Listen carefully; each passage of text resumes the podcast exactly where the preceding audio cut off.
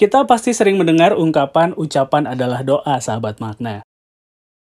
Tapi, apakah benar? Apa yang kita pikirkan dan ucapkan bisa terjadi secara nyata dalam kehidupan ini? Sebuah data dari buku The Secret mengungkapkan bahwa apa yang kita pikirkan dan yakini dapat terjadi secara cepat dalam kehidupan kita. Kali ini, kita akan membahas tentang Law of Attraction, sahabat makna. Bareng saya Fendi Rahman di Makna Kata Podcast.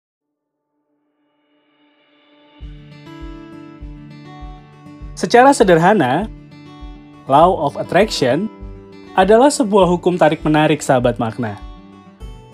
Apa pun yang kita pikirkan, rasakan, dan fokuskan akan ditarik ke dalam kehidupan kita. Secara sadar atau tidak sadar, suka atau tidak suka, positif atau negatif, law of attraction akan terus bekerja dalam kehidupan. Sampai akhirnya, yang terwujud bukanlah sesuatu yang kita inginkan, tetapi hal yang kita yakini. Ada banyak manfaat yang bisa kita peroleh saat memanfaatkan kemampuan ini. Mulai dari mengenali diri sendiri secara utuh, belajar menghargai diri sendiri dan orang lain, serta berhati-hati dalam berpikir, bertindak, juga berucap.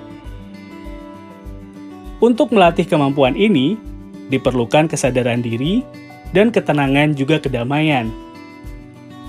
Secara spiritual, Law of Attraction adalah sebuah hubungan ketuhanan yang sangat sakral. Setiap manusia pasti akan meminta dan memohon yang terbaik kepada Sang Pencipta lewat kemampuan law of attraction yang baik, menjadikan diri kita akan selalu dekat kepada Tuhan. Ketika berserah dan percaya keinginan kita akan terwujud, kita akan merasa yakin dan tenang. Di tahap inilah, ide dan imajinasi akan muncul dalam proses terwujudnya keinginan kita, sahabat makna.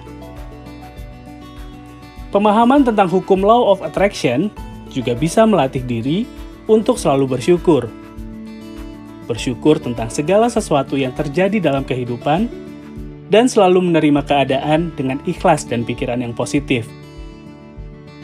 Saat sudah berdamai dengan keadaan, kita akan lebih bersabar atas keinginan yang diyakini dan hadir dalam kehidupan kita di saat yang tepat.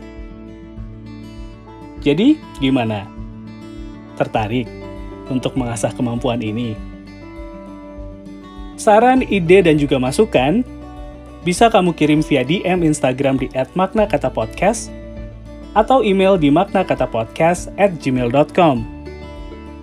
Kamu juga bisa dukung Makna Kata Podcast via saweria.co slash maknakatapodcast. Terima kasih sudah mendengarkan Makna Kata Podcast. Saya Fendi Rahman pamit. Kita ketemu lagi minggu depan ya.